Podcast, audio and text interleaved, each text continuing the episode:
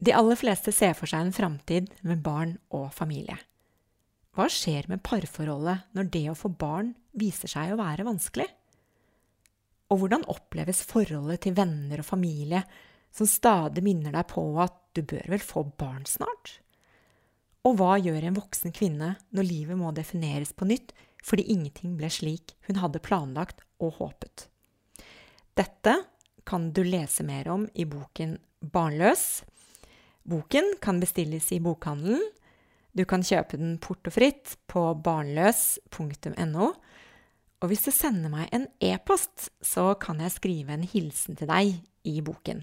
Da sender du til boken barnlos i ett ord at gmail.com.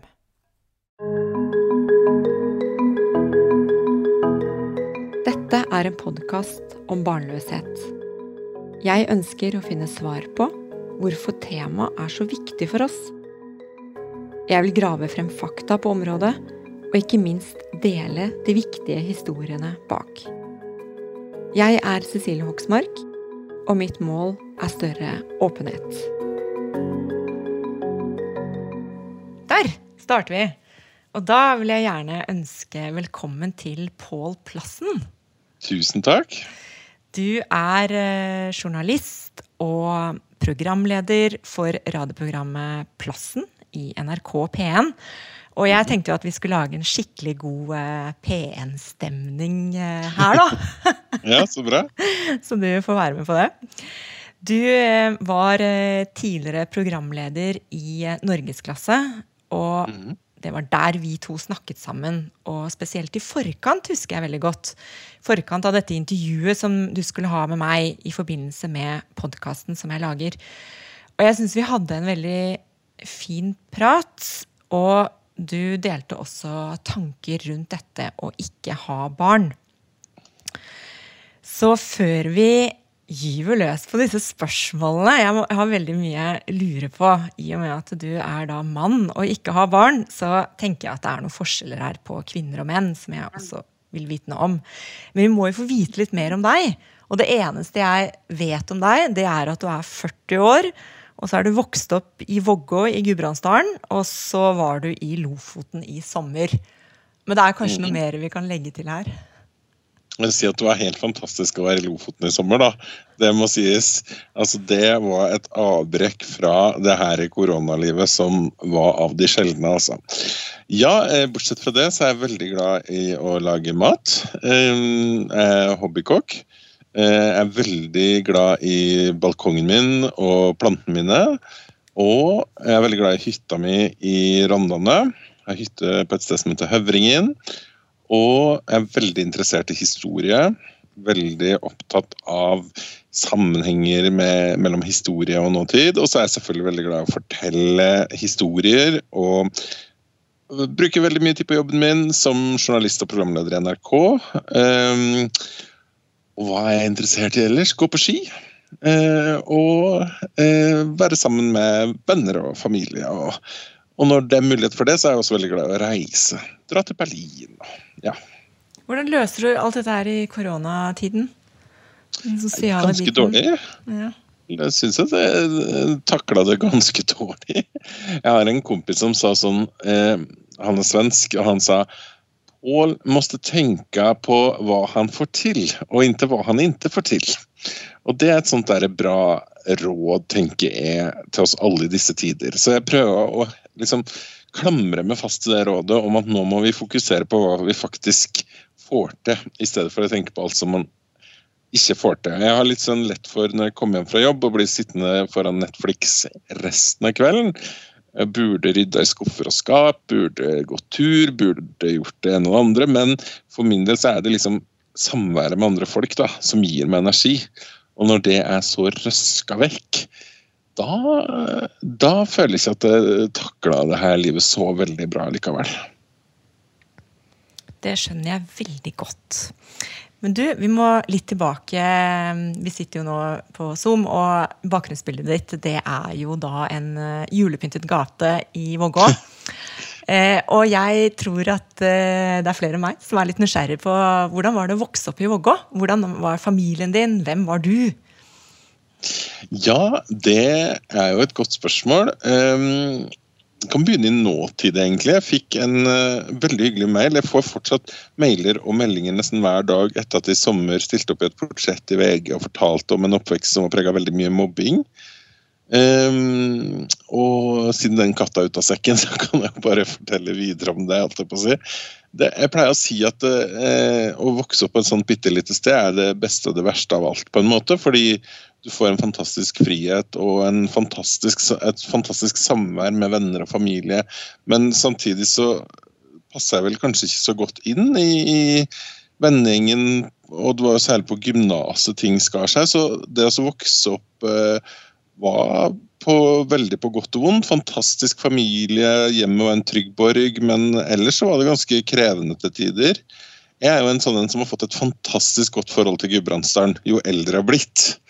Så nå er jeg jo sånn der på randen til å kunne flytte tilbake, men jeg er liksom helt eh, Og er veldig glad i området. da, Veldig stolt av hva det har blitt. Jeg mener Det har blitt et veldig mye med åra veldig mye mer åpent og tolerant og eh, interessant samfunn med veldig mye innovasjon. og eh, så jeg er veldig glad i stedet nå, men eh, det å vokse opp på et lite sted for en som, som hadde sånne særinteresser og sånn, det var en blanda drops. Jeg så også den artikkelen eh, i sommer, og jeg, jeg syns du var ordentlig modig. Bare så det er sagt. Det, Takk. Mm. Så går vi over til et tema som eh, du og jeg eh, har snakket om før, eh, og som du hadde interesse for når det gjaldt denne podkasten. Så det er litt mhm. morsomt å kunne intervjue deg nå. ja, det samme... føles veldig rart å være på andre sida av og Det er veldig sjelden jeg blir intervjua, og hver gang jeg blir det, så er det litt sånn ubehag når man er vant til å intervjue sjøl. Og ha full kontroll. ja. Du, eh, jeg har lyst til å snakke med deg om eh, dette med familie og barn og hva slags Dette er et veldig åpent spørsmål, men det er rett og slett hva slags tanker har du om det? Jeg var nok en sånn som trodde hele tida liksom at uh, jeg skal ha to barn og stakittgjerde og Volvo og sånn som alle andre holdt det på å si. Jeg trodde vel at det var på en måte gangen i livet. Um, og at det skulle komme litt sånn nesten av seg sjøl. Jeg vokste jo opp i så, Bortsett fra at jeg hadde litt sånn krevende skolehverdag til tider, så vokste jeg nok opp i en verden der alle bodde i hver sin villa. Hadde 2,5 barn. Det var veldig trygge, ordentlige rammer. Jeg hadde jo aldri hørt om noen voksen nesten som var singel. Altså, det ordet lærte jeg jo ikke før jeg kom på Blindern, nesten.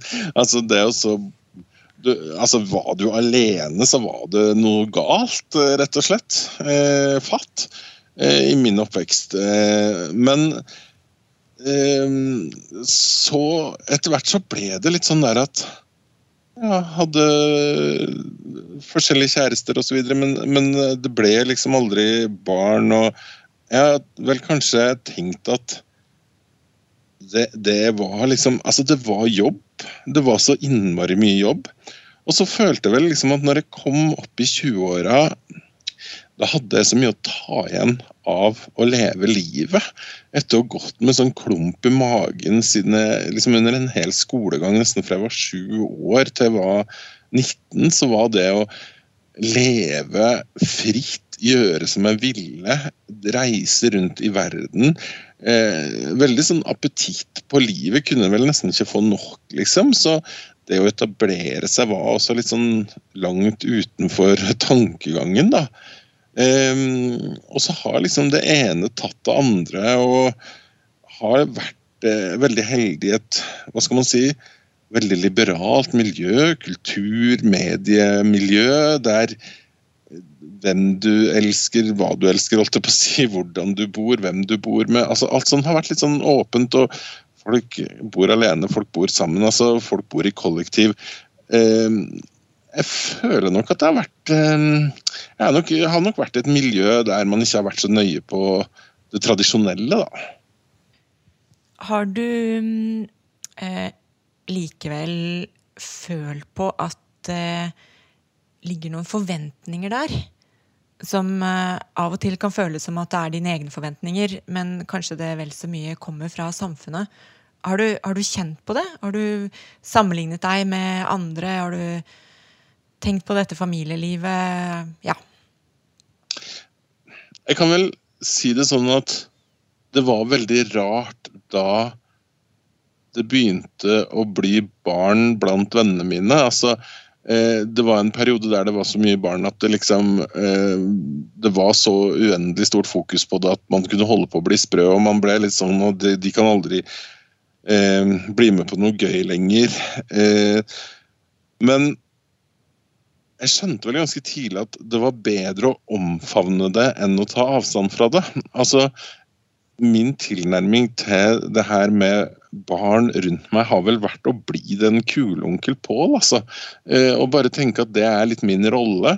Eh, og jeg er så heldig at jeg har veldig mange flotte venner barn, eh, som har barn, og, de har på en måte skjønt at jeg er oppriktig interessert. Jeg er interessert i barn, og de barna rundt meg er fadder til en haug med unger, liksom.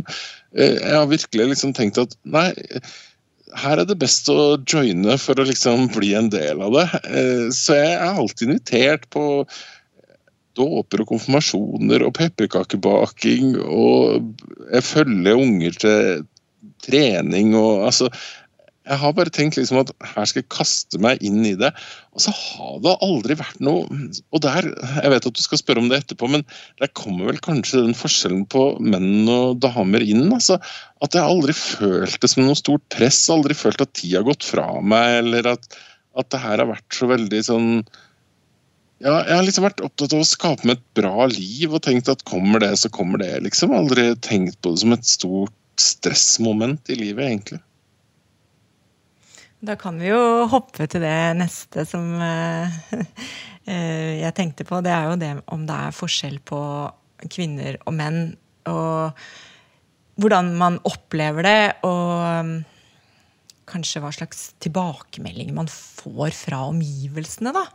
Har du tenkt, mm. og du har tydeligvis tenkt på det selv også, at du kanskje har det lettere enn kvinner?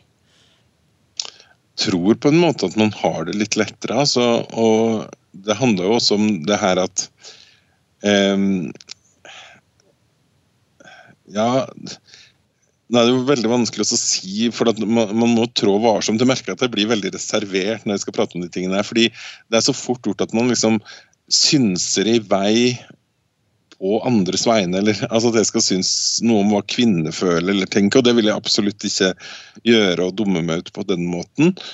Men jeg tror nok veldig det her at for min del så har jeg nok ikke kjent på det presset som venninnene mine. Altså Jeg har jo venninner som forteller liksom at de har foreldre som nesten roper til dem 'Hvorfor blir ikke jeg bestemor? Hvorfor eh, vil ikke du liksom gi meg et barnebarn?'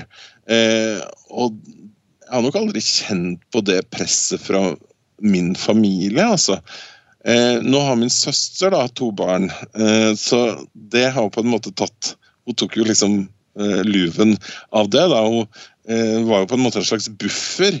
Eh, og, og, de to har jo et ekstremt nært forhold til. Så jeg føler jo nesten at jeg fikk barn sjøl.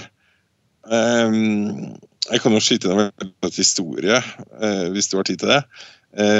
og det var sånn der, hun niesa mi som nå er sju år, da hun ble henta av uh, søstera mi på barnehagen for noen år siden, så kom de sånn i prat på parkeringsplassen om hvem som var de forskjellige foreldrene til de forskjellige barna da, mens de satt i bilen her. Og så, og så sier min søster at men du vet, det er jo ikke alle voksne som har barn. Onkel Pål f.eks., han har jo ikke barn. Og da sier hun niesa mi at ja, men mamma, han har jo oss. Eh, og det var jo det beste liksom, eh, godkjentstempelet tenker jeg man kan få. da, At eh, niesene mine de ser på meg som en slags eh, reservepappa, eller en sånn innhopper til tider. som eh, Og så sier hun minste jeg tror han har veldig stor plass til oss i hjertet sitt. Eh, så den historien er for meg det komplette liksom, bevis på at jeg har på en måte funnet en slags barnelykke, selv om jeg aldri har fått egne barn. Eh, men når det er sagt, da, så tenker jeg at jeg føler jeg kanskje har hatt en del å bale med i livet mitt som har vært utfordrende, og at det her er på en måte en av de tingene som ikke har latt få lov til å bli uh, et problem, hvis du skjønner. Altså, selvfølgelig fordi at jeg ikke har uh, en kropp som gjør at jeg ikke kan få barn på et tidspunkt, men det er mer det der at det, etter hvert så ble det så nesten science fiction å få barn. Jeg vet Det høres sikkert rart ut, men det er bare det der, for min del så hørtes det så usannsynlig ut. Det var bare så fjernt. og eh, Særlig fordi at jeg ikke hadde noen å få barn med. og Det er vel nesten litt sånn um, Like sannsynlig som at jeg skal få en luksusyacht i Monaco-aktig. Altså, det, sånn det virker helt fjernt. da. Og da har det blitt liksom Jeg tror du, du, har noen ting i livet som er så fjernt at det blir helt usannsynlig. Og da, for min del, så ble det der så, så fjernt at det bare har vel aldri liksom bekymra meg så innmari over det. Men når det er sagt, da Jeg har jo selvfølgelig tenkt gjennom det her at det er litt trist òg, og ikke egne barn. Det kan jeg innrømme. Vi må øh, fokusere litt på dette samfunnet vårt, da. Og jeg har skrevet ned at det, det kalles for det familiesentrerte samfunnet. Og det er jo veldig mange som um, snakker om det, og som også har vært i podkasten min, om at Norge er litt spesielt. Fordi at barna blir veldig i fokus og veldig styrende for uh, voksnes aktiviteter eller den familiens aktiviteter. Eh, så når man da er eh, litt sånn mm, ikke en del av det, selv om det høres ut for meg som at du har en fot innenfor likevel. Men eh, hvis man skal tenke på alle de andre Når man ikke er en del av det, så er det mange som sier at de opplever det som eh, litt kjølig, og at man føler at man er utenfor. Har du noen tanker om det? Ja, men absolutt. Så tenker jeg jo sånn at eh, man ser det jo på arbeidsplasser rundt omkring. Det er jeg ganske sikker på. Jeg har jo følt på det sjøl også. at Klokka er 15.30, vi driver midt i et stort prosjekt. Plutselig så reiser liksom barneforeldrene, sin, barneforeldrene seg og bare 'ha det bra, må hente barnehagen' og går, og så sitter vi andre igjen og jobber litt utover. Eh, og så er det Lucia-feiring, og så er det ditt, og så er det datt. Og jeg vet jo at selvfølgelig at foreldre da får dårlig samvittighet, og, de, og mange tar igjen jobben, men det er jo ikke tvil om at man kjenner jo at man av og til nesten skulle vært belønna for å være utrolig stabil arbeidskraft. Altså Man er jo alltid på jobb, man er alltid frisk, jeg er alltid til stede, jeg er alltid, eh, leverer alltid, liksom. Og så vet du jo at det er jo en kjempeviktig jobb å oppdra barn og, og i det hele tatt, men, men, det føles vel kanskje av og til som at det fins en klapp på skulderen for å på en måte være en eh, ekstremt leverende arbeidstaker. da, eh, Som kan stille opp og ta ekstravakter og jobbe i ferie og skoleferie og sånne ting. Og så har jeg jo opplevd sjøl, jeg har hørt historier fra andre om det her liksom ja, du kan vel ta sommerferien din til høsten-aktig eh, beskjed fra sjefen, fordi jeg har ikke opplevd det sjøl, men jeg har jo hørt om det sånn her. For du har jo ikke barn, så du trenger jo ikke ha ferie når andre har ferie, liksom. Eh, så det tror jeg er en sånn ting. Og så har jeg jo lest sånne skrekkhistorier om sånne som ikke blir invitert. Det blir jo jeg heldigvis, da. Men blir invitert til samvær i vennegjengen fordi du ikke har barn, og så tenker de sånn der at ja, men du har jo ikke barn, så du syns sikkert ikke det er noe artig når vi skal ha juleverksted, liksom. Men jeg tror i hvert fall at du har lyst til å ha invitasjon og gjøre den bedømningen sjøl om du har lyst til å gå på det. Eh, og så tenker jeg også sånn der nå med, med, I forbindelse med korona så ser man det veldig tydelig at det er veldig mye diskusjon om, eh, om ve og vel for barnefamilier. da. Eh, mens eh, vi som ikke er inne i det, den familiesfæren på samme måte Det er jo ikke så mange som bekymrer seg for vår eh, vårt velvære oppi det her, da. Eh, så jeg ble jo sånn kjempeglad når regjeringa sånn, sa at du kan ha én til to venner i korona.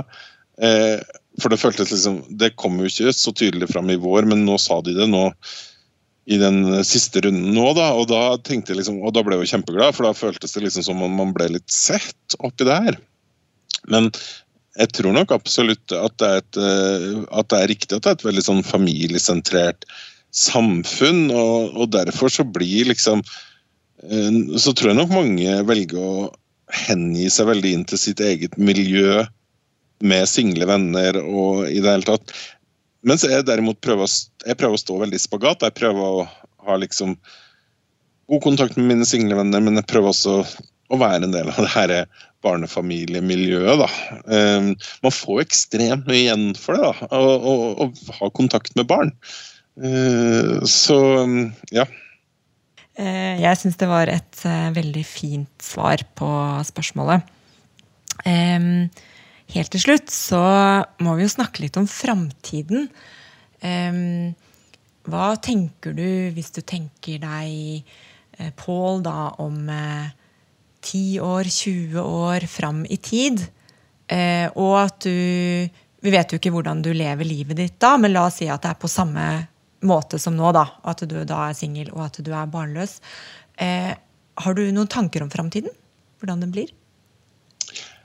Det kan jo være en av de tingene som barnløse som jeg tror er fristende å skyve vekk. Eh, og det gjør nok jeg også. Fordi det er ikke så hyggelig å tenke på det at du ikke har noen som tar vare på deg, da, på et vis. Altså, jeg legger jo mye eh, tid og energi i å ta vare på mine foreldre. Og jeg tenker jo litt på eh, hvem skal jeg feire jul med når de er borte. Altså, eh, det er klart at jeg gjør meg jo noen sånne tanker at det, er litt det er litt vondt å tenke på liksom det her at man ikke har sin egen lille gjeng i, i framtida. Men når det er sagt, da, så var jeg er jo et student, eller sånn Blindern-barn av eh, 2000. Altså jeg begynte på Blindern høsten 2000. Og da kom veldig det her, hvis jeg ikke husker helt feil, så kom veldig det her med at venner er den nye familien. Da kom Friends på TV. sant? Da kom liksom alt det her som sex og singelliv. Altså det, det, det, kom en sånn dreining i samfunnet i det hele tatt som gjorde at det å, å være singel var litt kult òg. Og så var det liksom fokus Du må tenke litt på deg sjøl. Du må tenke på om du kan skaffe din egen familie, og det i form av venner. Og, og der tror jeg nok jeg har gjort en ganske bra innsats for å ha mange venner som Eh, er en slags familie, da.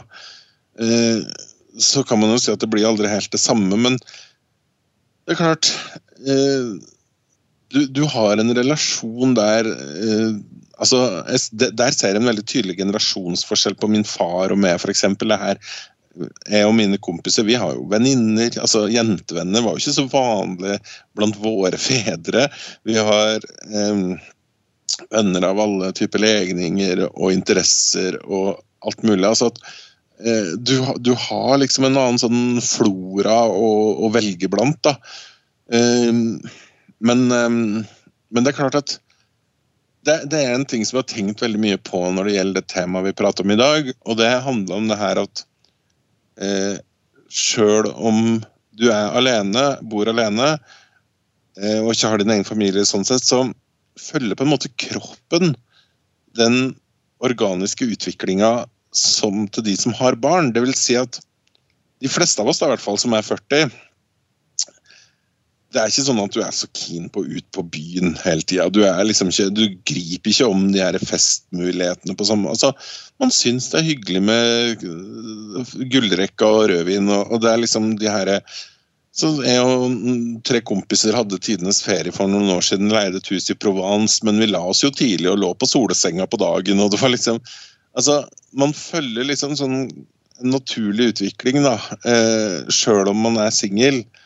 Og det er klart at eh, det er jo også en sånn ting som påvirka liksom at hadde man enda hatt feststamina og kunne utnytta det å bo alene og, Men så kommer det liksom sånn tider i livet der man egentlig bare vil roe ned og, og, ha selskap, da. Og det er klart at Der har man jo satt seg i en sånn posisjon når man ikke har klart å finne seg noen, som gjør at man blir litt sånn mangla det selskapet i Når man bare vil være hjemme, bare vil være rolig på hytta, liksom. Eh, så jeg skulle jo gjerne hatt selvfølgelig en liten familie for å ja, ha min egen lille flokk.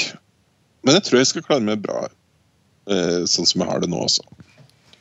Du, det tror jeg veldig på. Det virker som du har vært eh, ekstremt flink til å knytte folk eh, tett til deg. Så der fikk jeg, jeg, tror, der fikk jeg noe å tenke på. altså, jeg, jeg, tror i hvert fall at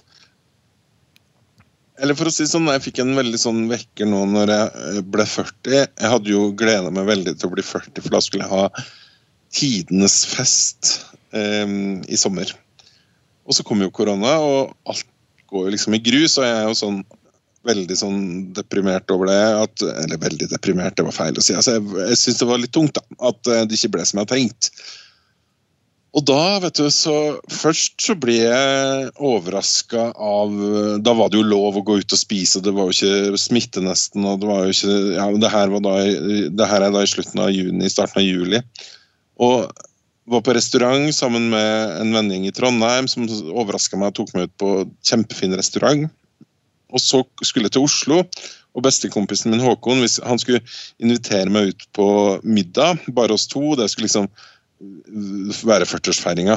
Og så mens jeg satt på verandaen hans sammen med hans familie, og vi venta på å gå ut og spise i Oslo, så plutselig så kommer eh, ja, 20 venner gående innover på plenen og så blir det 40-årsdag allikevel. Eh, og også feiring med familien og i det hele tatt. Altså, eh, for, for, det, for, det, er jo en ting jeg syns er viktig å få med. det her at Når man er singel og har mye venner rundt seg som gifter seg og får barn, og sånne ting, så har man brukt ganske mye tid og krefter og energi i løpet av livet på å glede seg på andres vegne det kosta litt, fordi du må på en måte virkelig mene det, ellers så blir det kjempeslitsomt. Men det, det, det kosta litt, og, og alltid, at det er alltid andre som liksom skal passes på og hylles og få fokus og sånne ting. Men eh, det som jeg føler, da, det er jo at eh, i forbindelse med den 40-årsdagen så fikk jeg så skikkelig payback for å ha vært toastmaster 14 eh, ganger, eh, fadder og forlover og alt mulig. Altså det er mange som setter pris på meg, da. Og da er det verdt det å huske på bursdager og julegaver og ja. Og sjekke inn på venner hvordan det går og sånne ting. Så kommer det tilbake eh, før, før, eller senere. Og egentlig litt hele tida. Det syns jeg var noen fine avsluttende ord, Pål. Takk. Så jeg vil gjerne si tusen takk for at du ville komme til eh, podkasten min og bli intervjuet for en gangs skyld. Takk skal du takk ha. Takk for at jeg ble invitert.